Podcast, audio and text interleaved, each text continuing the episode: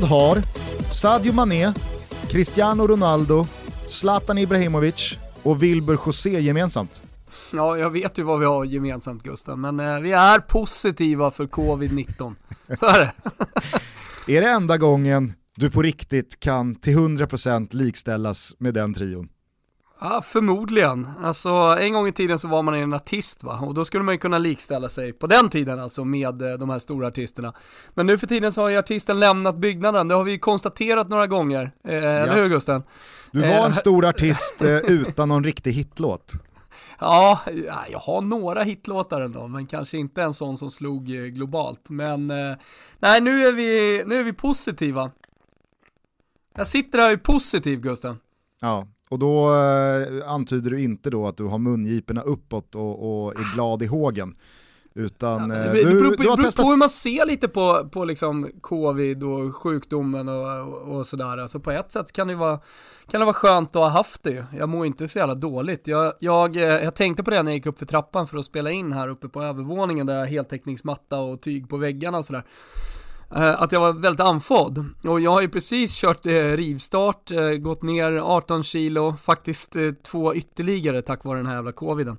Men eh, eh, inte känt mig i så dålig form, alltså jag har haft den andan jag hade när jag klev upp för trappan sen jag började rivstarten. Och då, då slog det mig, hur hade jag mått om, om jag fortfarande hade varit 103 kilo? Är du med? Mm. Och, eh, och dessutom haft covid, då kanske, ja, för, för syreupptagningen, det är väl den förmågan som är lite sänkt va? Det, det, det känner man ju, alltså, man, man blir lättare andfådd och sådär. Ja. Men eh, med, eh, med 103 pannor och stor, storbuken som man stoltserade med i somras, ja kanske att man, man hade haft det lite tufft nu. Ja, eller så var det som Jesper Hoffman antydde här i WhatsApp i morse såg jag, att eh, den där buken var ditt, eh, ditt skyddsnät, ditt immunförsvar, att det var den som fäktade bort eh, alla tänkbara virus.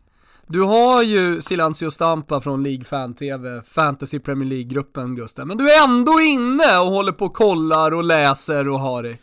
Ja, ja, jag läser allt och det kliar ju i fingrarna. Nu har jag ju haft Silencio Stampa här i över tre veckor. Eh, nu, har det, nu har det också gått över till det att jag måste liksom ventilera mina, mina åsikter och mina tankar. Och... Ja, det har du börjat göra med mig och Svanemar istället. Helt plötsligt så bara ramlar in meddelanden i, i eh, vår grupp som vi har tillsammans, du, jag och Svanemar. Och det, det, du, du har ju liksom aldrig skrivit någonting. Det är en död Nej. grupp normalt sett. Det är bara om vi ska dissa någon i League Fan-TV-gruppen, då, då skriver vi i, i den. Ja, och det är inte den Satan enda gruppen vad det snackas skit i de olika grupperna. Det är inte den enda gruppen som jag har liksom tvingats kliva in i och ventilera allt jag vill få ut, utan man har gett sig in i andra grupper, däribland då med vår kära vän Robin Avellan. Jag har haft en riktigt tröttsam diskussion med honom eh, angående Pontus Jansson och svenska landslaget här nu under förmiddagen. Där ja, man känner bara, nej fan jag måste tillbaka in i League Fan-TV snart så att man kan diskutera på någon slags vett vettig nivå och där det finns, där det finns en höjd som, som i alla fall är rimlig. För att, äh, det, det, det, var, det, var inte, det var inte vackert eh, i morse kan jag säga, när eh, Nej, eh, Avela, jag, Avelan och gamla, gamla lagkompisar från Bele skulle ta heder och ära av Ponne. Ja, eh, jag ser ju att det är många som skriver det, framförallt till mig, att eh, nu, nu får man hoppas på en nykter analys av, eh, av Wilbur José vad det gäller Pontus Janssons insatser i de här två matcherna. De tyckte att jag försvarade honom lite för mycket efter Kroatien-matchen. Eh, där jag menade på att han faktiskt gjorde 90 bra minuter, men sen blir man ju synad som mittback. Eh, och sen så gick jag ganska hårt åt till exempel Gustav Svensson som tog ett rött kort i samlingen innan. Och menade på att det då inte var nyktert. Ja, absolut noll problem och det vet, det vet jag. Alltså, noll problem att kritisera någon i landslaget. Tvärtom. Eh, jag, jag, jag, kan kritisera precis alla, det spelar ingen roll om det är liksom vänner som Albin eller Pontus Jansson eller Micke Lustig. Tycker för övrigt att Micke Lustig har, har lika stor del i, i eh, eh det ena baklängesmålet, det som är offside som eh, Ponna har. Det, det är liksom ett samspel mellan de två som handlar dels om eh, hur du placerar dig, dels om hur, hur, du agerar och dels om kommunikation. Så jag menar, det, det, när man släpper in ett mål så måste man ju kolla på helheten. Gustav Svensson som tar två röda kort, ja men det finns ju ingen annan som har tagit två röda kort. Eh, man, man, man, skulle i något läge kunna säga att ja, han tog ett gult kort för att annars hade det blivit eh, liksom, mål. Alltså att han, det, det, var rött kort eller andra gula kortet eller klart mål, men så var det inte det fallet. Så att jämföra de två situationerna är ju fullständigt hjärndött. Och, men med det sagt så vet väl Pontus Jansson eh, fan själv också att det, det, det, det, det är en jobbig samling liksom. Mm. Det, det, det, tre, eller flera mål där han är inblandad i och där, där han ser långsam ut. Eller hur? Ja, men, För det är väl det alltså, som är grejen va? Målet borta mot Kroatien, fullständigt hjärnsläpp. Alltså, och, och det ser alla det är, ingen, eh, det är, det är ingen som försöker liksom säga någonting annat. Är inte den minst, i, inte är minst Ponne själv, alltså, han, var ju, han var ju extremt eh, rak och tydlig efter matchen och sa det, det är mitt fel, jag tar på mig den, det, det är alldeles för dåligt och, och liksom, försökte inte ducka någonting. Och sen så var det ju väldigt eh, liksom, fint och upplyftande att se hur andra lagkamrater gick ut och sa att men det spelar ingen roll om det är Ponne eller någon annan, vi vinner som ett lag och vi förlorar som ett lag. Så att, det, det, det, går liksom inte att lägga någonting på, på någon enskild spelare. Precis som ingen gick ut och hängde Gustav Svensson eh, efter eh, Portugal-matchen på Friends och så vidare. Däremot så har man ju matchen igår som snarare kanske då är ett över 90 minuter större misslyckande både som lag men också på vissa individuella händer och fötter. Det är ju en dikeskörning vad gäller ambition, vad gäller matchplan, vad gäller, jag vill inte säga naivitet, men det är en dikeskörning också som jag väljer att se på som positiv, upplyftande och liksom att bra, vi testar, vi utnyttjar den här eh, Nations League-hösten i A-divisionen mot, för det ska man komma ihåg, världsmästarna, Europamästarna och VM-finalisterna.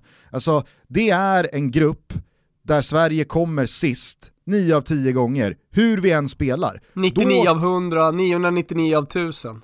Ja, då kommer i alla fall jag hellre sist i en sån grupp där man i alla fall kan ta med sig saker, man kan ta med sig lärdomar, man kan ha utvecklats, man kan ha sett, fan vi kan faktiskt nå perioder i matcher där vi tävlar mot de här lagen på deras egen nivå, där vi spelar ett anfallsspel som är så pass konstruktivt, som är så pass fartfyllt, som är så kombinationsinnehållande och som är så uppfinningsrikt att vi kan faktiskt såra de här lagen på egen kraft. Det behöver inte vara så att vi ska stå pall i 80 minuter och sen lyfta upp det vi har på en offensiv hörna eller en frispark och knoppa in en kasse och eventuellt få med oss en 1-0-seger. Alltså, jag, jag, tycker, det, jag, tycker, det, jag tycker det är det, det, är liksom, det är en del av de här matcherna och insatserna som man glömmer bort. Om vi hade utnyttjat de här matcherna till att stå runt eget straffområde, hålla tätt och, och, spela det spelet som vi bevisligen klarar av, för det var så vi tog oss till VM eh, 2018,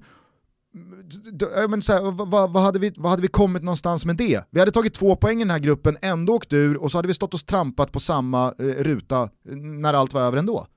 Ja men det hade vi definitivt gjort, jag är beredd att hålla med dig. Sen så är det ju sådär liksom, det, det är ju resultat det handlar om när det är landslaget och det, det är Nations League. Så det finns ju en liten del av mig som ändå inte vill ha naiviteten. Jag vill att vi ska utveckla men fortfarande att vi ska ha en bättre balans i laget. Eh, även om jag nu liksom med pistol mot huvud väljer ett mer offensivt Sverige, ett Sverige som försöker, ett Sverige som försöker utnyttja de nya unga spelarna i landslaget till att spela en fotboll som vi faktiskt inte har sett Sverige göra jag kan inte minnas när, alltså att vi borta mot Kroatien och borta mot eh, Portugal under så pass långa stunder trots allt har eh, så pass bra spel som vi har och skapar de chanserna som vi gör det tycker jag ändå är, alltså så här, det, det, det är som du säger uppfriskande och upplyftande och det, det, det liksom bådar gott inför framtiden. Får inte heller glömma bort att många av de här spelarna som kommer in, alltså Kulusevski inte minst, men ta Claesson nyss tillbaka från skada. Du har Alexander Isak som inte riktigt än har liksom etablerat sig i ett seniorklubblag. Eh, det känns ju ofta som att de här spelarna har varit med längre än vad de har varit. Alltså, eh, du, du, du har ju dels det att det är ett ungt landslag eh, också, det är inte så att vi bara liksom, ah, men nu testar vi en annan taktik, utan det Janne försöker göra, det är ju det eh, jag ofta gillar liksom, hos en tränare, att utnyttja den talangen och de spelarna som finns och försöka få ut maximalt av dem. Och det, det är liksom, vilka är de bästa spelarna? Jo, men det är de som spelar och då blir det ganska offensivt lutat. Eh, och sen så kanske man kan göra annorlunda om man möter Portugal nästa gång i ett EM till exempel. Sen skulle jag också vilja säga en sak om, eh, om Portugal. Att alltså, den mackan som slås, eh, jag håller med om att eh, där borde Lustig Ponne gjort det betydligt bättre, men den mackan som slås, det, det, dels, dels är det knä offside liksom, så det, det är svårt eh, att försvara sig mot, eh, absolut, men den är på läppen. Det är, det är otroligt. Och det, det, det tredje målet när hela den svenska backlinjen ser ut som eh, koner. Eh, det, det, det, det är så jävla skickliga spelare. Och de vet precis vad de ska göra offensivt också. De vet hur de ska kombinera. De, de är otroligt skickliga en mot en. Eh, så att, eh, alltså det här när, när Backe och Kim Källström och Erik Edman de sitter inför den här matchen och liksom pratar om Portugal som Europas andra bästa lag efter Frankrike. Och då vet man att Frankrike också är med i gruppen, men att Portugal kanske är, vad är de i världen? Ja, du har Brasilien där. Jag vet inte om du ska nämna Argentina före, det tror jag inte. Jag tror att Portugal någonstans hamnar högre, i alla fall i min bok. Alltså, topp fyra eller någonting så i världen. På bortaplan där de dessutom är motiverade och taggade, vilket man ser från början. Det är inte så att Portugal känner att de kan ställa ut skon, utan de vill ju verkligen spela den här matchen, de vill göra en bra prestation. Mm. Alltså, det, kom igen! Det, det, det, det, det, det var det man blir straffad liksom. Och speciellt när, det ska också sägas liksom när, när det blir viss obalans, alltså Sverige är vana att stå lågt, vi är bra på att stå lågt, vi kan stå ut eh, när vi lider i matcher, det har Sverige visat i decennium att vi är bra på. Men nu när vi istället då blir lite framtungare, ja men då åker vi på den där typen av omställningar. Och då, är, då, då räcker det med liksom att Ponne stöter eller ja men vi, vi på något sätt går bort oss jättelite så blir vi synade direkt på våra ja, svagheter. Nej, men, och, alltså, så här, det händer ju liksom inte mot Island. Nej, och det händer också mer sällan ifall man ställer sig lågt runt egen box och försvarslinjen får jobba rättvända med två meter bakyta ner till Robin Olsen jag tror fan att det kommer synas mindre att man eh, inte håller samma rapphet, att man inte eh, har problem med att försvara den ytan jämfört med när den ytan är 45 meter och du måste jobba felvänd mot kvicksilver som Portugal och Kroatien och Frankrike huserar. För där kan man ju också fylla på att de tre spelarna som ställs mot den svenska backlinjen igår, Ja, men det, är en, det, är en, det är en spelare som Atletico Madrid har lastat upp 1,3 miljarder för, som Liverpool nyligen har betalat en halv miljard för och som Manchester City har betalat en halv miljard för. Alltså, det, det, det, det är också bara ett lager i vilka Portugal är och vilka Sverige är som formerar en backlinje från FC Köpenhamn, från Brentford, från AIK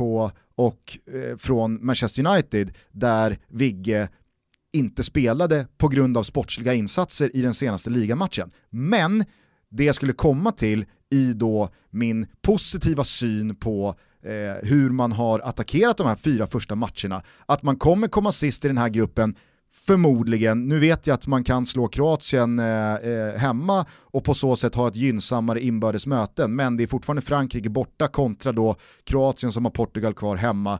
Ah, vi får väl se hur det slutar, jag tror, eh, jag tror att det är ganska tydlig favorit på att Sverige ändå slutar sist i den här gruppen. Men jag tycker ändå att man kan ta med sig någonting bra från det, för jag är helt övertygad om att landslaget och inte minst Janne och Wettergren har utvecklat och nått en bättre kännedom kring sitt lag, vad man kan, vad man inte kan, vad som funkar, vad som inte funkar. Man har också fått svart på vitt att ja, vi kan lägga gasen i botten och verkligen spela ett anfallsspel som stör Kroatien och Portugal, men vi kan inte göra det till vilket pris som helst med hur dålig täckning bakåt som helst, för då blir vi straffade mot de här typerna av lagen. För då spelar det ingen roll om vi gör 1-2 eller har bud på tre mål. Släpper vi in 2-3, rent av fyra mål, då torskar vi matchen ändå. Precis på samma sätt som att det spelar ingen roll vad man spelar för typ av fotboll, vart man ställer backlinjen, hur högt man går i sin press, vad man har för ambition eller inställning till matchen om man bjuder på för enkla misstag. Så som Ponne gjorde, så som Alexander Isak gör i det som leder fram till 1-0 mot Kroatien, så som Mattias Johansson gör igår vid 3-0. Alltså så här, sådana misstag har ingenting att göra med formation, taktik, matchplan eh, eller Precis vad så skicklighet är. från motståndare liksom också måste vägas in. Så är det. Så är det. Och det här lär man sig. Och nu fick vi återigen en jävla reality check på att ja, fan med, med, med, med Forsberg i slag och med Kulusevski och Claesson och Marcus Berg eh, använd eh, på rätt sätt och med Alexander Isak som inhoppare och du har Quaison eh, som är användbar i många olika roller, ja men då besitter vi en jävla offensiv som vi faktiskt kan använda, men vi måste balansera upp den. Vi kanske inte bara kan tuta och köra, utan vi måste faktiskt komma ihåg att det smäller så fort vi bjuder på minsta lilla mot de här lagen. Så att, alltså det, det, det, jag, jag, är den första att säga, nej, det är för dåligt Ponne, och det var för dåligt från vissa andra spelare också. Precis på samma sätt som man sa att det var för dåligt av Gustav Svensson eh, i senaste samlingen. Så det, finns liksom ingen, det finns ingen eh, det finns inget jäv här som gör att nej, men man, man vågar eller kan inte kritisera de som nej, sista, har figurerat sista, i Sista gången vi säger det också, som, som jag, orkar, jag orkar Nej, jag orkar inte heller säga det. Eh, men, det men det som blir liksom tröttsamt och som blir liksom lite så löjeväckande, det är ju att folk fortfarande är kvar på nivån att ett och två grova misstag som straffar oss i en Nations League-match, ja men då ska det innebära att nej, han är för dålig, han ska bort. Ja, men här, analysen att... efter Gusten, analysen efter ni, alltså de olika förslagen då från folk som jag läser som kommer in i, i samma veva. Det är ju ett, och det kan vi återkomma till, att eh, Anel Ahmedhodzic är, eh, borde ha liksom knutits till det svenska landslaget. Två, det är att spelare som till exempel Starfelt och, och sådär eh, ska in då och göra det betydligt bättre än vad Pontus Jansson gör. Eh, och då blir jag någonstans här. Har ni glömt bort hur jävla dålig allsvenskan är?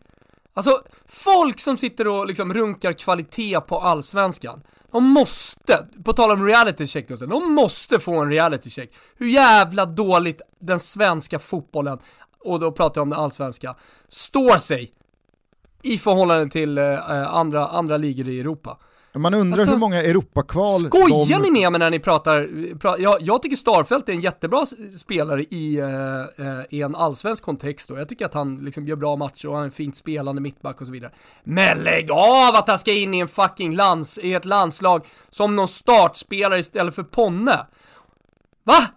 Ja, men alltså, man undrar ju om de här har missat alla gånger de svenska klubbarna har Europakvalat senaste åren. Alltså, vi, vi, vi, vi, vi tar oss knappt för...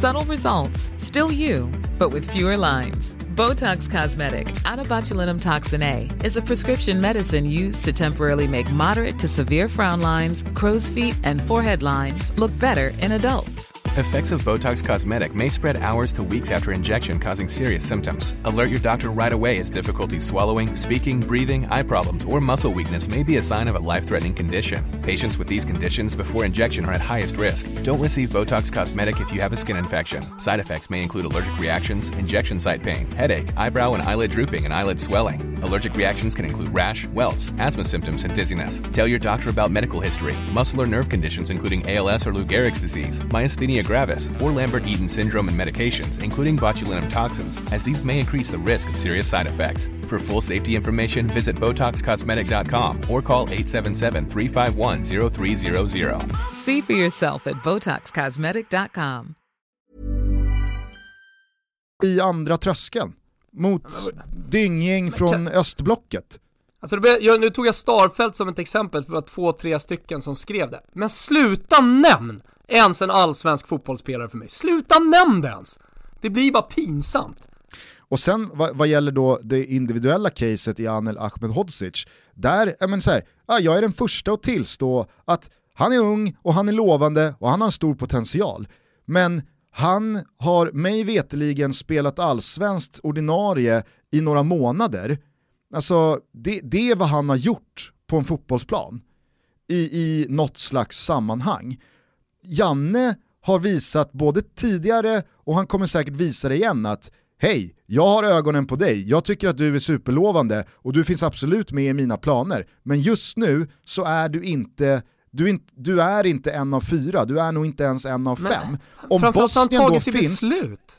Nej men, ja exakt. Om Bosnien då finns som ett andra alternativ, som, och det här är värt att påminna om, alltså Bosnien huserar mittbackar, Sinisa Sanicanin, han spelade i Vojvodina, han verkar dynggiven i, i, i Bosnien, Och dessutom så finns då Dennis eh, Hadzikadunic som har eh, förmodligen då blivit petad av just Anel Ahmedhodzic eh, innan han skeppades iväg till eh, Trelleborg på lån och nu spelar i Rostov. Alltså det är mittbacksuppsättningen i Bosnien. De tillhör A-divisionen och de kan locka med att du är med i truppen, du har eh, speltid omgående och vi satsar vidare mot mästerskap. Här får du, tro, men så här, om man för, för det är ju en karriärsoptimering också rent ja, klubblagsmässigt och, och, och att kunna visa här... på till, till, till, europeiska klubbar. Så att jag menar, alltså, det är klart att han, att Anel tänker på sin klubblagskarriär. Eller hur? Ja, och om jag har förstått det rätt så har han dessutom jävligt starka band till Bosnien, eh, både ja. sig själv och via familj och sådär.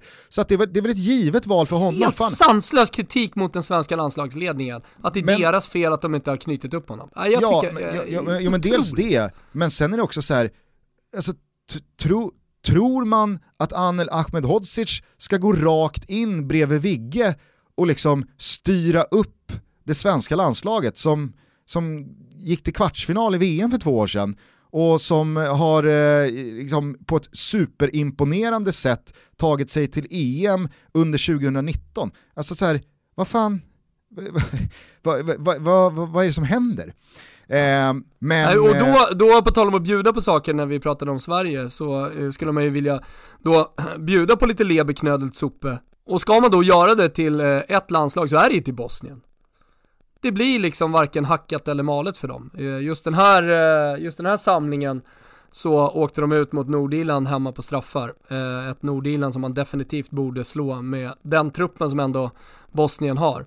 Eh, och sen eh, kan vi tycka att Bosnien som landslag är lite leberknödelsuppe generellt sett. Alltså att eh, de når aldrig hela vägen till toppen. Man får inte ut maximalt av eh, liksom de, den truppen man har. Men så kommer det matcher som man gör otroligt bra och så får man hopp om, och, om, om Bosnien och så Tror man liksom att Pjanic och Dzeko, med sådana spelare borde man liksom nå ganska stora höjder och så tänker man på Kroatien som är grannland och allting sånt där. Fan, Bosnien, de borde kunna vara något. Och så når man inte riktigt hela vägen fram. Det är ju, det är ju liksom leberknödelt soppelandslaget nummer ett. Ja, alltså vi pratade om det med Per-Jarle Hägglund här för någon vecka sedan. Alltså det är ett par Balkanländer som har haft gyllene generationer, men där jag tycker mig se Alltså de fejda ut ganska duktigt och där Bosnien kanske är det, det tydligaste exemplet. Dzeko, Pjanic och, och, och, och de spelarna, det är väl klart att det fortfarande bor stora matcher och stora insatser i dem. Men jag har svårt att se dem nu när de åker ur A-divisionen, när de missar ännu ett EM. Ah, det är väl snart över det här va? Och vilka, vilka, ska kunna, vilka ska kunna plocka upp den manteln då och föra den facklan vidare in i nästa kvalcykel, in i nästa generation. Jag, jag, jag, jag tror inte att eh, Bosnien spelar speciellt många mästerskap kommande 6, 8, kanske 10 åren. Eh, Nej, och men, det säger men, väl men, kanske då någonting om Sverige och att det är ett mer attraktivt landslag att, eh, att spela i och enklare att ta sig in då i det bosniska landslaget och att det då dels hans egna känslor för Bosnien som du nämner som absolut inte ska underskattas liksom i, i beslutet. Han vill spela för Bosnien. Men Nej. sen också eh, för hans karriär att det, det är liksom positivt att redan så här ung gå in i, i, i, i, ett, i ett landslag som spelar i A-divisionen. Sen behöver vi inte sitta och racka ner på, på vare sig Bosnien eller Ahmedhodzic mer än så, utan vi kan, vi kan prata om det svenska landslaget och de spelarna som faktiskt finns där. Det jag menar är bara att om man är så platt eh, och så grund i sin fotbollsanalys att man av två eller tre misstag mot några av de bästa landslagen i Europa från Pontus Jansson avfärdar honom som fotbollsspelare och mittback och att han inte har att göra i ett landslag. Ja, men, jag, jag, så här, jag, vet inte ens, jag vet inte ens om man, om man pallar bemöta det. Alltså, Janne Andersson, vår förbundskapten sedan eh, över fyra år, har haft Pontus Jansson redo som nummer tre bakom Vigge och Granen alla år. Han har haft lagkaptensbinden och han har kommit in i skarpa lägen både i mästerskap och i kvalspel och gjort det jävligt bra. Vilka spelare i det här landslaget har inte gjort eh, rejäla blunders och, och, stått för misstag och för dåliga insatser några, några matcher här och där? Det, alltså, det, har väl alla? Alltså, det här är Sverige vi pratar om. Det finns inte 45 spelare bakom redo med, med två nya landslagstrupper och bara byta ut. Ponne vet ju att det här var för dåligt, nästa gång jag får chansen, om det så är i Kroatien-matchen eller om det är någon annan match efter det, då är det bara steppa upp för att det här kan inte fortsätta för då kommer jag bli av med min plats. Det, det, det, är så här, det vet han, det vet Janne, det vet alla andra. Men i Pontus Jansson så bor det ju en fullt landslagsmässig mittback i jämförelse med konkurrensen i Sverige. Mm. Och sen har han sina positiva delar, han har, han har sin talang såklart och han har sina brister precis som alla andra spelare. Eller hur? Ja men exakt, och, i, och det jag menar, så här, väljer man att Just i den här samlingen så såg man kanske snabbheten då som inte är hans, hans styrka, eller hur? Nej, eh, väljer man att stå högt synades. borta mot Portugal med spelare som Pontus Jansson och Micke Lustig och, eh, alltså, ja men tro fan att vissa av deras mindre bra egenskaper kommer synas mot några av de absolut bästa spelarna i världen. Det, det, det, ja, det, det, nej, jag, hoppas, jag hoppas att det här var, om, om någon inte tycker att det var nyktert och vi, vi ser på hela landslagssituationen nu någon slags, vad vet jag, något nå perspektiv utifrån att vi vill vara polare med folk så uh, hoppas jag att, uh, att man inte tänker så uh, efter det här lilla, lilla segmentet. för om man nu ska se nyktert på saker och ting så, och börja skriva om allsvenska mittbackar in i den svenska startelvan Eh, Eh, då, då har man krökat på lite för mycket. Vi är fortsatt sponsrade av våra vänner på K-Rauta och vi vill påminna om att golvveckorna fortsätter. K-Rauta har golv för alla med bra erbjudanden på textilgolv, gedigna trägolv, parkett, klinkers, vinylgolv med mera. Ta hjälp av projektplanerare också för att få råd och tips och i synnerhet hjälp med materialberäkning och beställning och så vidare. Korauta.se eller ett av alla underbara varuhus som är öppna sju dagar i veckan. Men Thomas, du vill också påminna alla om vår tävling där man kan vinna fina verktyg från Ryobi. Ja, jag vill påminna egentligen om två saker Gusten. Det ena är tävlingen, jag kommer till den. Det andra är att man kan lägga sin beställning på krauta.se Du pratar om att vara öppet sju dagar i veckan. Ja, men det är ju också öppet online va Gusten. Sen så åker man bara och hämtar sina varor som man har beställt på drive-in. Hur jävla enkelt som helst. Tävlingen då, det är alltså sista dagen för att vara med och tävla. Och det är vårt Instagramkonto som gäller. Vi har lagt upp en spot där vi står med fina Rayobi-verktyg, eller hur Gusten? Och det är väldigt enkelt, man ska följa Core man ska tagga en polare i vår post som har behov av verktyg och sen ska man motivera varför just eh, sin kompis då ska vinna. Enkelt! Och vi kan sannoliken understryka att de här verktygen från Ryobi, det är inga, det, det, det är inga, det är inga skitgrejer. Nej, nej, nej, det är hur bra som helst. Jag håller på med mitt eh, multiverktyg här hemma och, och lär mig det. Det är, det är kul med verktyg också Gusten. Det är det. Vi säger stort tack till K-Rauta för att ni är med och möjliggör Toto Valuto. Stort tack. Vi är sponsrade av Telia och ni som inte hörde förra avsnittet, spetsa era öron nu. Ja, om jag säger Bundesliga, jag säger Premier League, jag säger La Liga, jag säger Serie A, Champions League. Vad tänker du då Gustav? Då tänker jag att det måste kosta väldigt mycket pengar om ja, man ska se tänk, allt det här. Exakt, du tänker premium. Det är ju uppåt laxen. Ja, ja. ja. Men nu har alltså Telia slagit ihop det här till ett paket för 499 kronor i månaden. Kan du inte du bara ta en gång till? Vad får man då? För det är ju playappar och grejer också här. Man får alltså Champions League, Premier League, Bundesliga, Liga, Serie A och La Liga i ett och samma tv-paket. Plus Telia Play, Simor och Viaplay för att kunna se allting som bara sänds där. Och då finns det ju filmer och serier och matcher att se i efterhand och herregud. Ja det är ju en bonus för alla fotbollsälskare att man får alltihopa såklart. Det är inte bara fotbollen, eller hur Gustav? Och det här priset gäller även efter att bindningstiden gått ut. Så gör nu så om ni vill ha detta tv-paket att gå in på telia.se sport.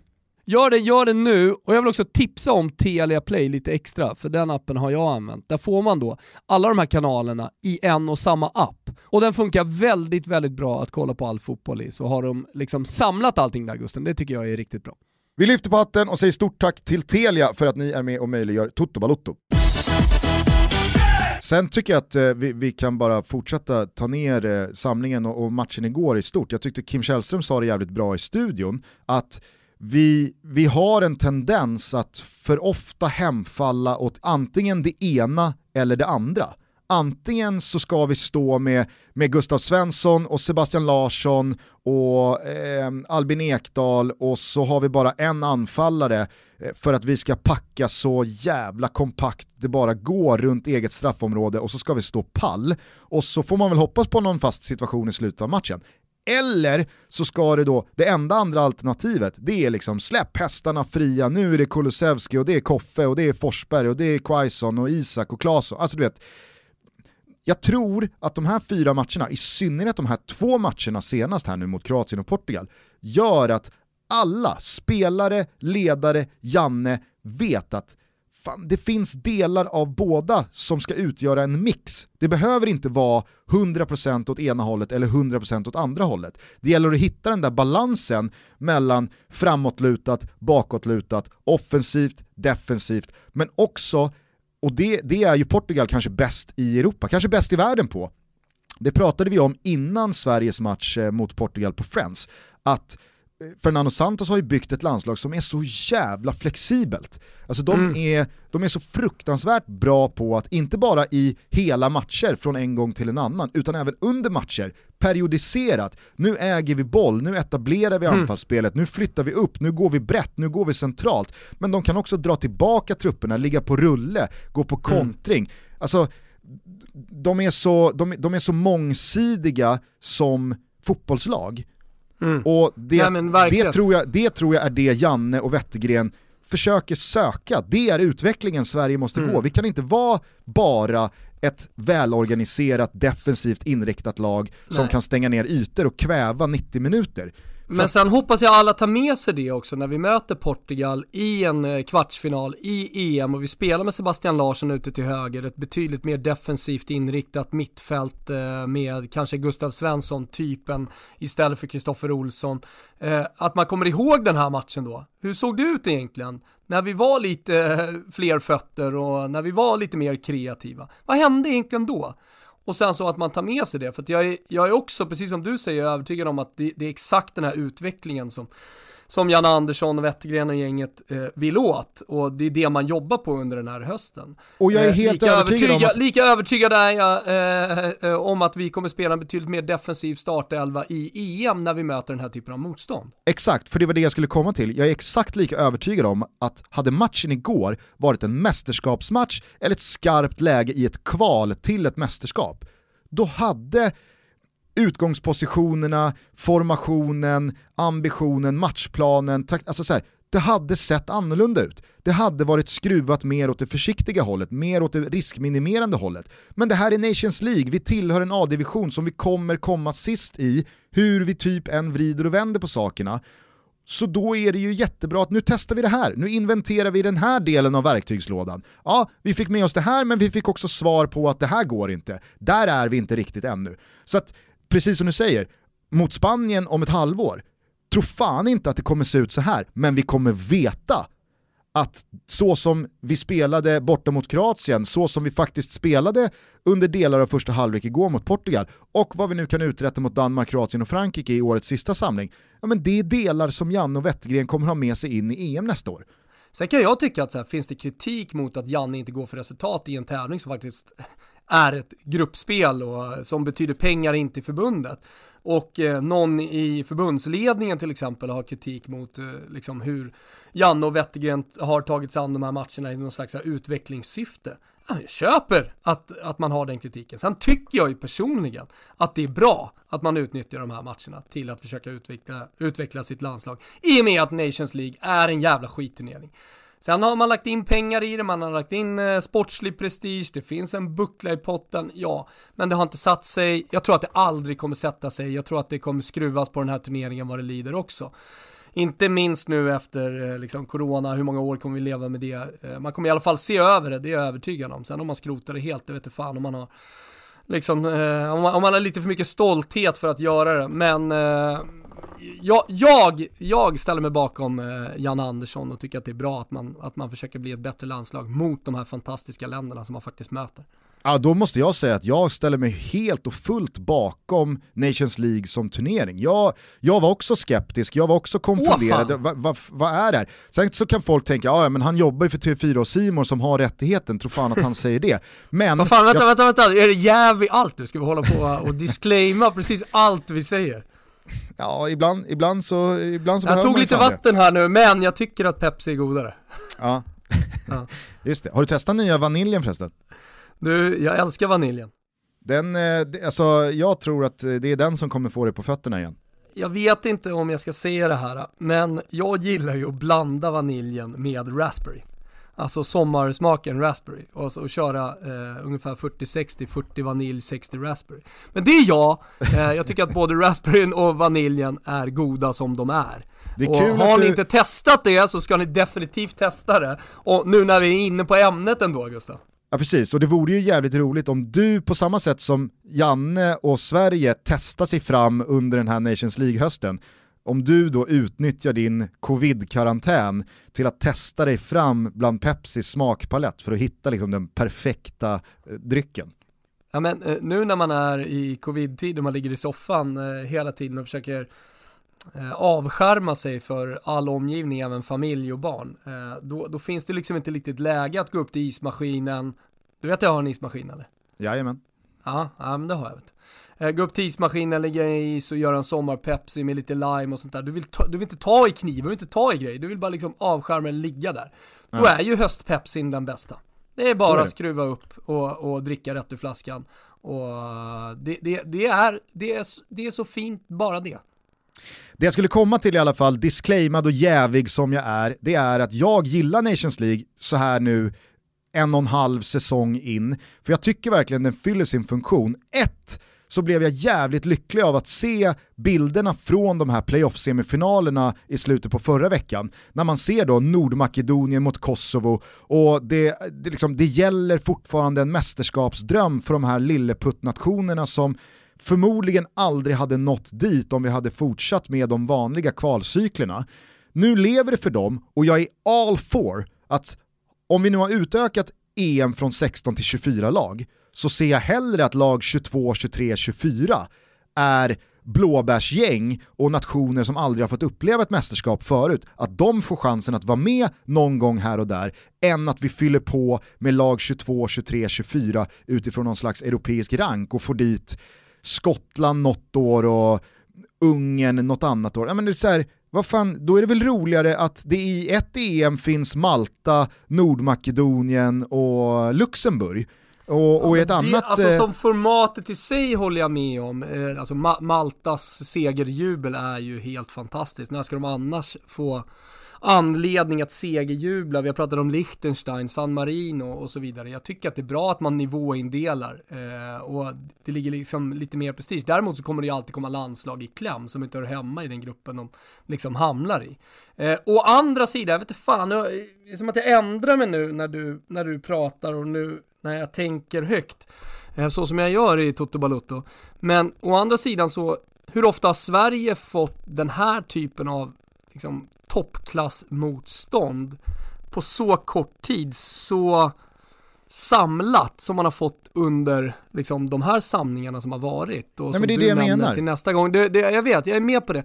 Eh, och hur ska man då utveckla sig eh, och för att vara redo när man möter de bästa landslagen i själva mästerskapet. Så, fan, jag, med, jag, jag, jag, kan ändra mig i podden, jag har inga problem med det Gustav. Nej, Nej men alltså antingen, jag, jag älskade EM 16 lag när det var de 16 mm. bästa i Europa och det var liksom, det var, det var bara fyra dödens grupp, för det, så, så ser ett EM ut när alla 16 bästa lag är med.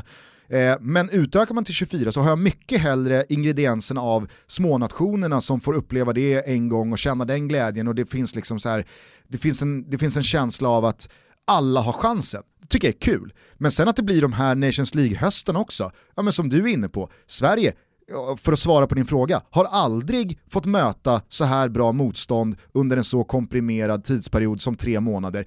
Vi har ju chansen här nu, vi får chansen och vi tar chansen att Det gör vi inte ens i mästerskap Gusten. Det gör vi inte ens i mästerskap. Kolla på VM 94 om man liksom synar det motståndet eh, lite i sömmarna och ser Saudiarabien, Rumänien, Brasilien på vägen fram till en eh, tredjeprismatch mot eh, Bulgarien. Mm. Jag vet att det är lite att svära i kyrkan och säga det här liksom, men, men eh, vad har man i gruppen då? Jo, man har Ryssland, man har Brasilien och man har Kamerun. Kamerun ja, precis. Och det var ju inte det bästa Kamerun man har sett, det ska ju ärligt erkännas. Nej så är det ju. Nej, men, och, och jag menar, så här, nu, nu har man ju chansen att faktiskt få med sig någonting i en utvecklingsprocess under den här hösten. Man ser ut att ta den chansen och man kommer komma ur den, förvisso tillbaka i B-divisionen. Och visst, jag är medveten om att det är rankingpoäng inför VM och EM-kval och det är tv-intäkter och några miljoner, alltså, men det är för mig som följer det från min position, främst då som någon som gillar att titta på Sverige som en supporter. Alltså, för mig är det, det, är, det, är, det är marginaler, det är, liksom, det, det är skillnader som, som inte rör mig i ryggen. Nu får vi ta nästa vända i B-divisionen då, och stärkta av de här erfarenheterna från toppmotstånd så kommer vi återigen göra det jävligt bra i B-divisionen, förmodligen och förhoppningsvis gå tillbaka till A-divisionen, ha en ny chans med tre toppmotstånd, som vi kan tävla med, men vi kommer fortsätta ha våra VM-kval, ha våra EM-kval, där vi springer in i ett, max två länder som vi kanske inte är favoriter mot. Det är där Sverige är, men det är med de här grupperna i Nations League vi kommer utvecklas. Så att jag tycker att Nations League på alla sätt och vis har varit kanon, för att dessutom så har ju de här landslagsdagarna blivit så jävla mycket roligare som tv-konsument. Alltså kolla mm. på matcherna man har kunnat kolla på. Det är, mm. det är, Italien, Holland och det är, det är, det är Tyskland eh, mot, mot Schweiz och jag har sett, eh, fan igår körde man second screen på Gustav, får jag bara stanna dig två sekunder när du säger Tyskland, Schweiz eh, och vi pratar om att eh, komma fel där i första matchen mot Kroatien för, för Ponnes del. Rydiger, ja. jag vet inte många som har sett eh, målet som Tyskland släpper in när, eh, är det Gavranovic han heter, schweizaren, som lobbar in eh, en boll. Det, det var väl eh, Freuler? Freuler var det, fan det är klart det var Freuler, vi pratade ju om, eh, om eh, honom i efterhand där. Eh, ja men precis, så Rydiger han ska bara nicka bort den, men han väljer att hoppa för tidigt. Ja. Så det... Ser nästan lite, han ser lite rädd ut för ribban. Ja, ja, men exakt. Han ser rädd ut för, för, ribban och lite rädd ut för att träffa bollen också. Det, det, det, blir, det blir en patetisk situation för Rydiger. Ja. Ja, verkligen. Och, och, där kan man ju, där kan man ju sannoliken prata om ett landslag som har gått bort sig i ja, men eh, senaste tiden. Tyskland senaste två åren lite drygt. Jag, jag, vet inte vad, jag vet inte vad Löv håller på med. Jag tror inte han vet det själv. Ingen tysk verkar i alla fall veta det. Alltså jag tycker jättemånga spelare i tyska landslaget är jättebra. Alltså det råder ju liksom ingen tvivel om. Det är en av de absolut största nationerna. Och de fostrar ju såklart fina fotbollsspelare hela tiden. Men när jag ser den där startelvan och liksom en del av prestationerna, det, det är för dåligt liksom för att vara die Mannschaft. Ja, och, och, och, där har du ju en förbundskapten som hattar och snurrar mellan treback och fyrback och det är 3-5-2 och det är 4-3-3 och det är 4-1-4-1. Alltså, han och Tyskland, det de har gjort under egentligen eh, två års tid, det är ju att ha dribblat bort sig så pass mycket med både formationer och trupputtagningar och spelsystem att jag, jag är extremt skeptisk till att Jogi Löw kan liksom sortera ut vad som var bra, vad som var mindre bra och få ihop en helhet att då kunna säga de här senaste två åren har varit nyttiga för oss för vi har inventerat alla tänkbara delar av, av vårt landslag så nu är vi, eh, nu är vi liksom optimerade för vad som komma skall. Som jag tror att Janne och Sverige kommer göra efter den här Nations League-hösten. Eh, Tyskland känns bara som ett, det, det, det är bara ett jävla hönshus. Nej men så slänger man in Julian Draxler och så har man eh, Hasse Backes eh, fascination för Julian Draxler innan. Men det är, tror att det är läge för världen att mygga av Julian Draxler, så som vi gjorde med Ballack en gång i tiden. Alltså så här, nu var ju Ballack jättebra och allt det där, men det, det, det är över för Draxler nu liksom. Det kommer inte bli någonting jättestort av honom. Ja, förmodligen så kommer det inte bli mycket mer än det som vi redan sett. och vad är det då? Nej exakt, det, det, det, det är en truppspelare, det är en, det är en truppspelare i bra lag som kommer ha ett par bra meriter på CV. Som lever på sitt namn ett tag till också, ursäkta men så är det. Mm. Eh, jag skulle bara vilja eh, prata om eh, två grejer till från oh. matchen mot Portugal igår. Jaha, du är kvar ska... i ah, Portugal-matchen? Jag är lite kvar Finns där. det mer att säga? Ja. Eh, dels då så, så måste jag direkt avfärda det här som har blossat Jag fattar att det nämns att Sverige inte har förlorat fyra raka tävlingsmatcher på 108 år och att det är någon slags bottennotering ur ett historiskt perspektiv. Men det är lite perspektiv. samma som vi har snackat om ju. Precis, man måste komma ihåg att de här fyra tävlingsmatcherna har varit mot världsmästarna, mot Europamästarna och mot VM-finalisterna. Ja men eh, det har vi konstaterat, det håller det, jag med om. Det är vad det är, vi kommer förmodligen inte, förrän nästa gång vi är i A-divisionen... Men vadå, det finns folk som gör en poäng av det här? Ja, ja, herregud. Absolut. Skojar du? Nej nej, att eh, Jan Andersson är första förbundskaptenen på 100 år som har förlorat fyra ja, Men är det något statistikkonto? Det är väl ingen som har liksom använt det eh, till eh, en åsikt om Jan Andersson?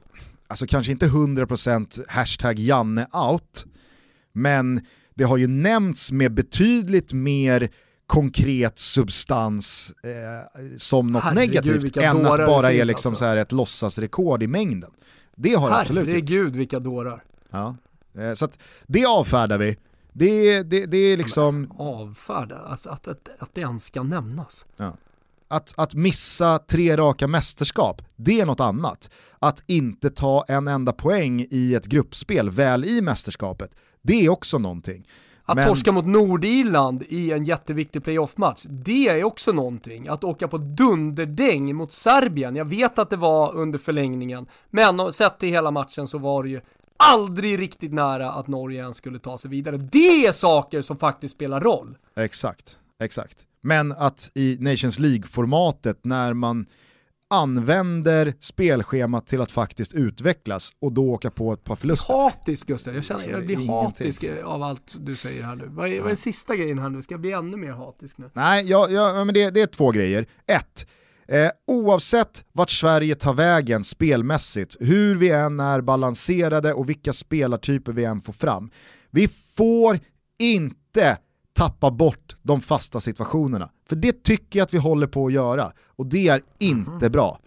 Det är inte, inte bra. Det Men om Lustig hade satt den där bollen som man borde ha gjort, ja. då hade du sagt att eh, fan, vi, vi är ändå hyfsade på fasta situationer. Eller? Nej, det tror jag inte, givet då att de resterande åtta hörnerna hade varit så dåliga som de var igår. Att frisparkarna från ytterzon hade varit så slarvigt slagna som de var. Alltså, Sverige Men pratar du även defensivt? Ja, alltså där, där tycker jag att eh, liksom, organisationen inte har känts Ända lika... sedan Harry Maguires nickmål eh, i VM 2018 typ, eller vadå? Ja, jag vet inte, jag kan inte, jo men det var väl några fasta situationer mot Norge i EM-kvalet och Spanien. Det började med Harry Maguires eh, nickmål i VM och sen kanske. så har det bara gått ut för. det är det kan, du säger. Ja, kanske inte bara gått ut för, men det känns absolut inte lika tryggt i eget straffområde, men framförallt så tycker jag att det är i offensivt straffområde kring de offensiva egna fasta situationerna som det är alldeles för dåligt. Och där kan man inte skylla på någonting. Där kan man inte skylla på att vi möter bra lag eller att vi, vi är i, i någon slags fas eh, av spelmässig utveckling. Nej, det köper inte jag. Fasta situationer, det är för värdefulla delar av spelet för ett svenskt landslag att kunna slå de bästa för att hålla på och liksom noncha bort. Det är så många hörnor igår som är så jävla dåligt slagna, som fastnar på första gubbe, som fan sorkar sig fram knappt till första ytan. Och det är bara så här, usch, jag blir förbannad när jag ser sånt. Sverige ska vara ett lag som tar sådana där på största jävla allvar. Eh, som, som faktiskt har det som vapen att står en match och väger, är vi fortfarande i matchen med ett måls underläge, då kommer det alltid leva hela vägen in på slutvisslan genom hörner, genom frisparkar och så vidare. Men slås de med den kvaliteten som ni gjorde igår och har gjorts många gånger, Sebastian Larsson borta mot eh, Ryssland här, eh, eh, undantaget, ja, men det, det, är, det är alarmerande. Det, det, det är skärpning, säger jag där. Mm. Eh, ja, men eh, jag, jag håller med. Är du klar där kring landslaget? Jag hade en grej till. Jaha, det var en grej till. Också en grej som man brukar prata om när svenska klubblag just ska ut och kvala i Europa mot eh, lag från kontinenten, mot lag från eh, östblocket, Balkan och så vidare, eh, medelhavsländerna. Alltså att det finns en annan furbo, det finns en cynism, det finns en, liksom en, en, en inte så charmig alla gånger men jävligt effektiv attityd och karaktär på spelarna som gör att de, de, de gör vad de måste för att vinna små, små fördelar som till slut blir så många fördelar att det gör skillnad i hur matchen går. Det kan vara att överdriva, eh, det kan vara att eh, rent av filma, spela över, att eh, hålla på och... Men har och vi inte blivit bättre på det? Jag tänker på situationen igår när Kulusevski drar in från högerkanten och alla tycker att han ska passa till Klasen. Förmodligen borde han passa till Klasen också, men han söker ju straffen. Det är så ja. uppenbart att han, att han har varit i Italien sedan han var 16 år. Han ser möjligheten att här kommer jag perfekt in framför deras spelare och kommer kunna ramla. Jag såg det också, men vad gjorde han? Han gjorde det för dåligt. Domaren ja. såg, där söker du bara straffen, så att här blir det ingen jävla straff. Så jo, men han försökte dåligt. i alla fall det jag skulle komma till i alla fall, det var, det var två sekvenser. Ser du när Sverige har ett anfall i andra halvlek, jag tror att det är Marcus Berg som nickar, Rui Patricio gör en bra räddning uppe i sitt eget vänsterkryss, tappar bollen ut och så blir det en studsande boll som han och Quaison går efter. Mm. Quaison är först in med tassen mm. och alltså är ju först in på bollen, Rui Patricio river ner foten och Quaison. Det där blir straff om inte Rui Patricio så jävla direkt uppfattar situationen att här gäller det att spela som att jag har fått jävligt ont i den här smällen. För då är det jag som får frisparka med sig. Han är, han är liksom, För det är så jävla mycket lättare att blåsa också. Ja, ja, han är påkopplad direkt. Här måste jag spela som att jag har fått en smäll i facet eller i ansiktet så att det ser ut som att det inte är jag som har gjort fel här. Och domaren köper det. Peppe, han har en, han har en, eh, eh, en situation i första halvlek där han får Marcus Berg att glidtackla på ett sätt som gör att så här, och så, och, så, och så lägger sig Peppe, spelar över, har ont så inåt helvete, så att domaren liksom säger oj oj oj, nu får, man nog, eh, nu får man nog hålla lite extra koll här på svenskarnas duellspel, för att eh, de, de börjar gå in farligt tufft där. Och strax efter det så är det Kristoffer, eller om det är Albin Ekdal som får ett gult kort. Dessutom då i andra halvlek, när Ponne är uppe i offensivt straffområde på något inkast tror jag, så är han där med någon arm över axeln, mm. Peppe uppfattar det direkt, jaha, här har jag en armbåge som börjar lukta kind, nu jävla tar jag mig mot facet, skriker allt vad jag har, går ner i backen, Ponne varnad, pang, kan inte liksom ha de där sista procenten i, i duellspelet med sig på rätt sida i nästa duell. Alltså, de slarvar ingenting de här spelarna med cynismen i de här detaljerna. Och det är också en grej så här, vi kan nå dit, för det där handlar inte om många som och... tänk, Nu är det många som tänker, men det, det där vill inte jag ha i det svenska landslaget. Men det är ju nästa steg, eller hur? Alltså jag vill ha mitt fucking mästerskapsguld. jag ska uppleva det. Jag ska du drömmer få... om guldet? Det är klart jag gör. Det är klart som fan jag gör. Och jag tror, med allt sammantaget, när stjärnorna väl står rätt, den vägen Janne har slagit in oss på, med att vi försöker faktiskt nå dit spelmässigt, men vi måste också sluta göra jävla juniormisstag som Ponne och några andra har gjort de här matcherna. Vi måste sluta eh, slarva med fasta situationer och vi måste förstå att det är liksom, det är, alltså, alla som har sett Mourinho här under den här hösten med både All or Nothing men också i den här Playbook, Notebook, vad det nu är på Netflix. Han säger, you can't win with nice guys. You don't win anything with nice guys. Och han står och skäller ut eh, sitt eh, Tottenham-lag här nu under, under första säsongen att så här, ni, ni är för schyssta, ni, ni, mm. ni är för nice guys. Mm. Så är det bara. Nej, men, och, och jag, säger jag, Mourinho jag, jag, det efter 30 år mm. i, i, i branschen, vem fan ska... Ja, som alltså, vinnare av Champions League, flerfaldig vinnare dessutom. Ska, ska, någon, ska någon krönikör på Expressen eller Aftonbladet eller någon poddare eller någon twittrare säga emot då? Nej, då är det så. Ja, men jag, jag gillar utvecklingen av samtalet kring landslaget Gusten, när vi började med försvarsmisstagen som var så uppenbara under den här samlingen och som sedermera slutade med hopp om guld. Men då måste vi rätta till en del saker, bland annat måste vi bli mer furbo. Ja. Underbart! Det är en jävla massa som ska rättas till kan jag säga, men, men, men, guldet ja. kan vi bärga. Det kan vi bärga, men du ger svenska folket hopp Gusten, det älskar jag. Toto Balotto är denna vecka sponsrade av Kia och Kia de drivs av att göra laddbara bilar möjligt för många, inte bara några få.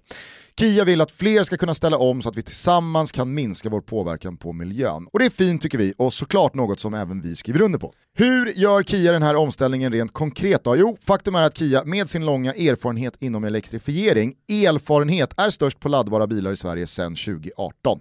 Men eh, Kia nöjer sig faktiskt inte riktigt där utan har nu som mål att 80% av försäljningen i Sverige ska vara laddbar redan nästa år. Heja Kia! Att erbjuda riktigt prisvärd privatleasing på laddhybrider är ett exempel på hur Kia gör laddbara bilar möjligt för fler och du kan nu privatleasa en laddhybrid från Kia från endast 2995 kronor i månaden. Ja, det är faktiskt riktigt bra Gustav, men vill man ha en helt ren elbil så kan man privatleasa den för 3495 kronor i månaden. Ja, det, är, det är en bra deal. Gå in på kia.com för mer information om deras erfarenhet och elektrifiering, men framförallt för att hitta en laddhybrid att privatlisa du också. Ja, eller gå in och känna och kläm på en Kia och så hälsar ni från Toto Balutto. Eller hur? Vi säger stort tack till Kia för att ni är med och möjliggör Toto Balotto. Vi lägger landslagsdagarna till handlingarna, konstaterar att det var nära i Kroatien, inte lika nära i Portugal, men vi laddar om bössan och tar sikte på helgen här nu när det är dags för ännu en Toto-trippel borta hos Betsson. Vi har hittat tre starka, raka vinnare Thomas. Ja, det har vi definitivt gjort. Alltså, den ena går jag till mig själv, höll jag på att säga, men Fiorentina som eh, gjorde en helt okej avslutning på Mercaton. Fått in eh, bra spelare, en okänd eh, argentinare, i alla fall okänd för den europeiska fotbollspubliken, Quarta som är spelklar. Ribéry ser hur jävla bra ut som helst och så vidare. De möter eh, ett eh, da, ganska dassigt Spezia ska sägas eh, på bortaplan och man får odds mellan 1,60 och 70 på raka spelet. Så det tycker jag definitivt ska in eh, i trippen. Nu, nu gjorde man ju en lite plattare match mot Sampdoria, men, men jag tycker ändå annars i inledningen att Fiorentina sett, eh, ja men Inter till exempel sett riktigt bra ut. Så att, jag tror man, tror man kommer tillbaka, studsar tillbaka i den här matchen. Och Spezia är ju faktiskt inte speciellt uh, mycket att hänga i granen. Nej, jag, men, jag tycker verkligen att det är klasskillnad och kan man få då en kort resa för Fiorentina, bara någon timme bort till Spezia och, och södra delen av Ligurien liksom. Det, det, det blir en bra Fiorentina-match där, jag är helt övertygad om. Trippen inleds lördag 13.30 i Merseyside-derbyt. Där tror vi att Jürgen Klopps Liverpool eh, slår Everton. Fyra raka segrar förvisso för The Blues. De är eh, serieledare och de ska ha all cred för sin inledning på den här säsongen. Men här tror vi att eh, det tar stopp för att den där backlinjen ser jag inte stå emot Sadio Mané som är tillbaka från coviden, Salah som har varit hemma och vilat upp sig och Firmino som eh, vi alla vet hur nyttig han är i Liverpools eh, anfallsspel. Dessutom så tror jag att det var, som vi var inne på för några avsnitt sen, en nyttig väckarklocka för Liverpool att åka på den där 7-2-smällen mot Aston Villa. Nu kommer det inte hålla på att slappas och bjudas på grejer, utan nu är det fullt fokus. Så att, eh, Liverpool vinner Merseyside-derbyt. Ja men det är jag helt övertygad om också. Alltså revanschlusten och alltihopa, precis som du säger med Mané. Ah, det, det blir seger för Liverpool. Avslutningsvis så hittar vi en rak seger för Europa jagande Sirius, va? Vem hade kunnat tro att det när det är dags för upplopp i allsvenskan var Sirius som var ett av de få lagen som skulle gå för en Europaplats. Inte jag i alla fall, men Henrik Rydström har ju verkligen eh, gjort eh, guld av sand den här coronasäsongen och ska inte be om ursäkt för någonting. Nu kommer Östersund på besök, ett Östersund som eh, sannoliken ska ha heder för att man eh, lär undvika nedflyttningsstrid, eh, Eh, men här har man inte mycket att hämta tror jag. Det är bara några poäng upp till eh, andra platsen, tredje platsen för Sirius, så att eh, här kan man inte hålla på och slarva om man faktiskt ska nå den där episka Europaplatsen. Så att eh, med Vecchia och Sugita och gänget så vinner bara Sirius här. Ja, men lite sådär också för att kröna en helt fin säsong. Annars blir det sådär, men vi kom på femte plats, vi gör en otrolig säsong, historisk säsong i Sirius historia. Man vill ju kröna det med någon form av, eh, inte titel men, eh, ja men någonting sportsligt som man kan ta med sig och gå in i nästa säsong med. Så att eh, det, det är klart, och plus att som du säger, de ser så jävla bra ut. Så jag, ty jag, ty jag tycker att de eh, borde vara med in till sista omgången och slåss om Europaplatsen. Jävligt, eh, jävligt imponerad av Sirius. Rak seger Fiorentina, rak seger Liverpool och rak seger Sirius är helgens Toto-trippel. Den finns boostad och klar under godbitar och boostade odds på Betsson. Rygga med 148 kronor, hashtagga in er rygg i Toto-trippen så jobbar vi in lite deg här nu mm. tillsammans eh, strax innan löning. Ja, glöm heller inte bort att du måste vara 18 år fylld om du ska vara med och spela och sen så finns stödlinjen.se. Sen finns stödlinjen.se om det är så att du har problem eller om du känner till någon kompis som har problem. Tack Betsson för att ni är med och möjliggör Toto Balotto. Stort tack. Eh, ska jag bara balansera upp eh, min, eh, min hyllning här av Kim Källström med också en, en, ett litet frågetecken. Aha. Där jag hajade till, och det var egentligen inte bara Kim Källström utan det var faktiskt hela studion med då Erik Edman, Hasse Backe och Lasse Granqvist. Alltså, nu är de spända, nu är de idel i örat eh, borta på Simor. Supanic och ligan. Nu är det bäst ni spänner öronen och tar Gustens kontrakt och var beredda på att riva. Vad ska du säga Gusten? hela studion, anförda av Kim Källström, tycker är alltså... fult klädda? Nej, tycker alltså att Harry Maguire inte ska åka ut. Ja, ja, där reagerade faktiskt jag också på. Alltså hans andra gula kort, ja, han är först på bollen. Men alltså du kan inte gå in sådär. Du kan inte gå in sådär Alltså så här, du kanske kunde göra det på Hasse Backes prime-tid på uh, tidigt 90-tal. Då kanske du kunde göra det. Men du kan inte göra det nu. Nej men alltså, så, här måste jag ju hålla med att så som regeln är utformad i regelboken så är det, det är clear cut case. Du är ansvarig för din kropp. Det du gör, det du stoppar in i duellen, det är det du ansvarar för. Och det Harry Maguire stoppar in i den där, i den där liksom duellen, det, det, det, det är ju potentiellt karriärsödeläggande. Så att, att, att, han inte ska få gult kort, jag, jag fattar ingenting. Rebecka kom hem, hon hade varit och tagit något glas vin med, med någon kompis och så kom hem och så sa jag bara du, du, du, du, du, måste, du måste bara komma och kolla på det här. Kolla på den där tacklingen, så spolade jag det tillbaks. Och så sa jag så här, tycker du att det där är gult kort? Eller ty, tycker du att det där är inte gult kort? Och hon var så här, ah, han måste väl fått rött kort? Men ja, det är väl härligt att man kan tycka olika. Jag tyckte i alla fall att det var, det, det kanske du var ta, du får det ta diskussionen eh, i helgen. För ni har väl fotbollssöndag? Fotbollssöndag Europa. Europa rullar vidare. Vi får dock se hur det slutar för Gugge eftersom Tompa Wilber nu är covid-positiv och jag Just har tagit mitt ansvar och covid-testat mig så jag väntar med spänning på resultatet här. Eh, är det positivt så är jag såklart out från ja, men Det var roligt för att jag började ju, jag började ju eh, smittspåra så att säga för att eh, vara schysst då eh, mot min närhet. Eh, man vill ju inte att liksom ens egen smitta ska ta sig speciellt långt. Eh, och så började jag fundera och så slutade det med, förutom familjen då, för de är ju nära hela tiden. Eh, men det slutade i alla fall med att det är Kimpa Wirsén, det är Gugge Dahlin och det är Uffe. Det är de enda jag har varit nära. Ja. Och så började jag tänka tillbaka på hela året. Vilka är det jag är nära egentligen? Ja, det är Gugge Dahlin, det är Kimpa Wirsén och det är Uffe. Det är Band Det är mitt umgänge. Det är, så är det. Så är Laonda. En gång i tiden vet du, då var man eh, centrum i utelivet i Florens bland eh, kubaner och argentinare, mexikanare, italienare och svenskar. Nu för tiden då är det Gugge Dahlin, Kimpa Wirsén och Uffe.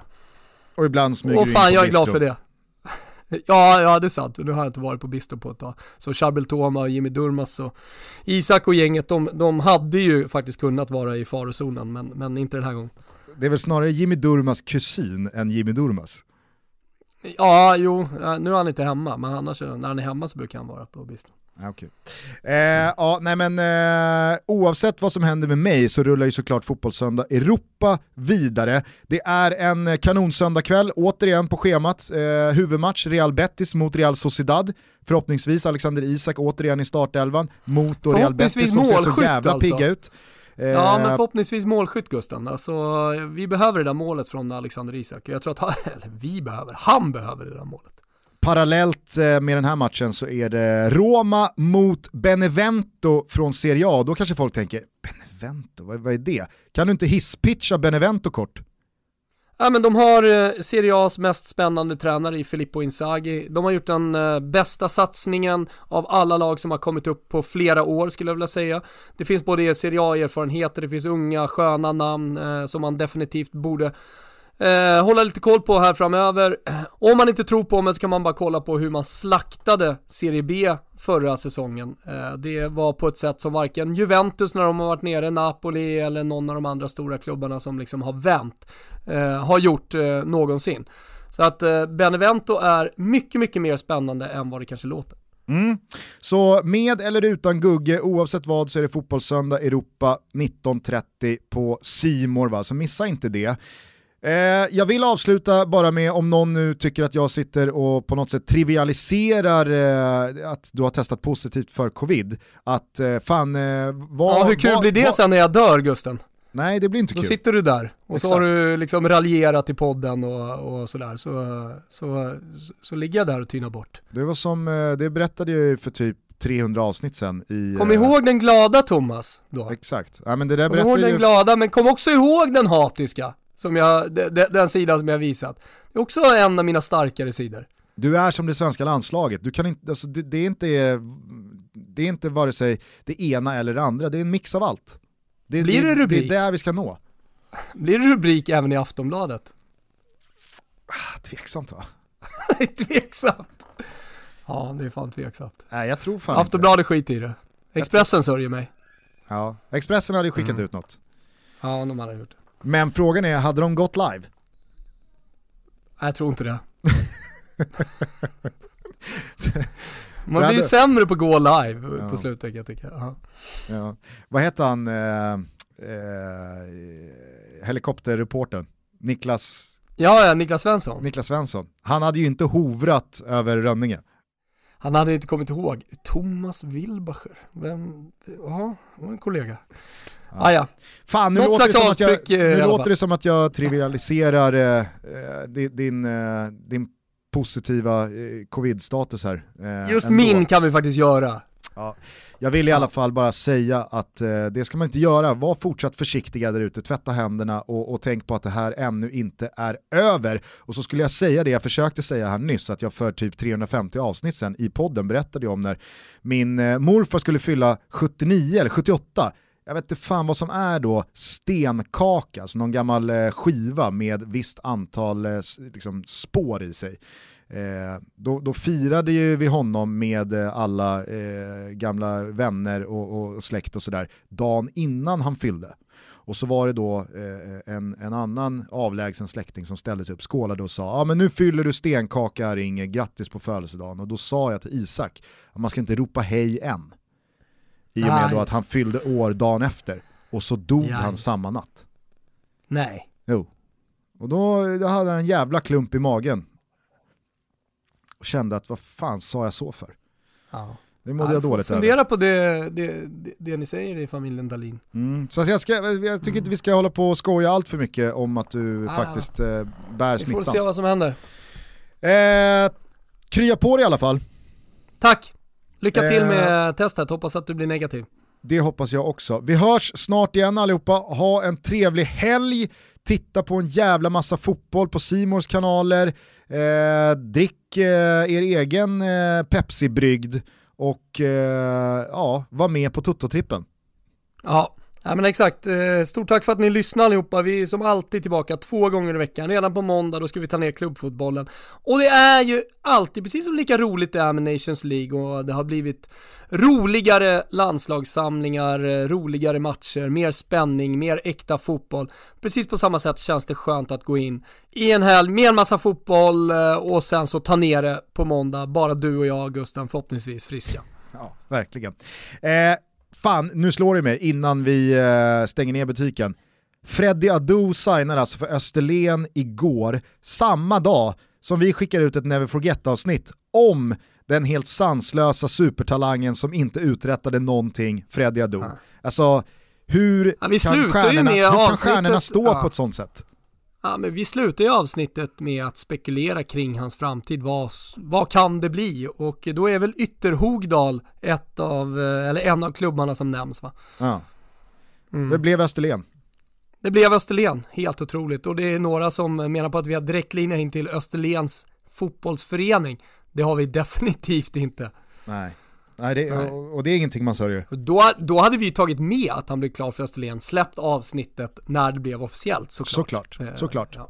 Men för er som kommer ihåg Freddy Adu och som nu vill friska upp ert minne när han nu eh, ska spela sin fotboll i Sverige, lyssna för guds skull på senaste avsnittet av Never Forget så har ni hans eh, karriär i komprimerad form och våra tankar kring den.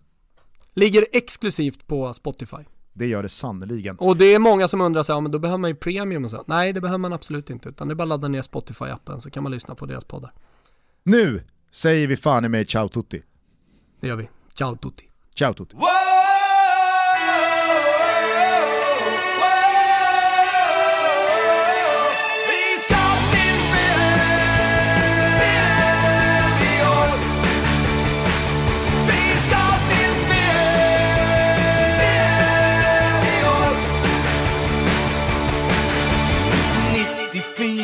Drog de till USA. Folklig yra, men var de så jävla bra? För mycket babes och rock'n'roll. Grillfester och champagne. Så några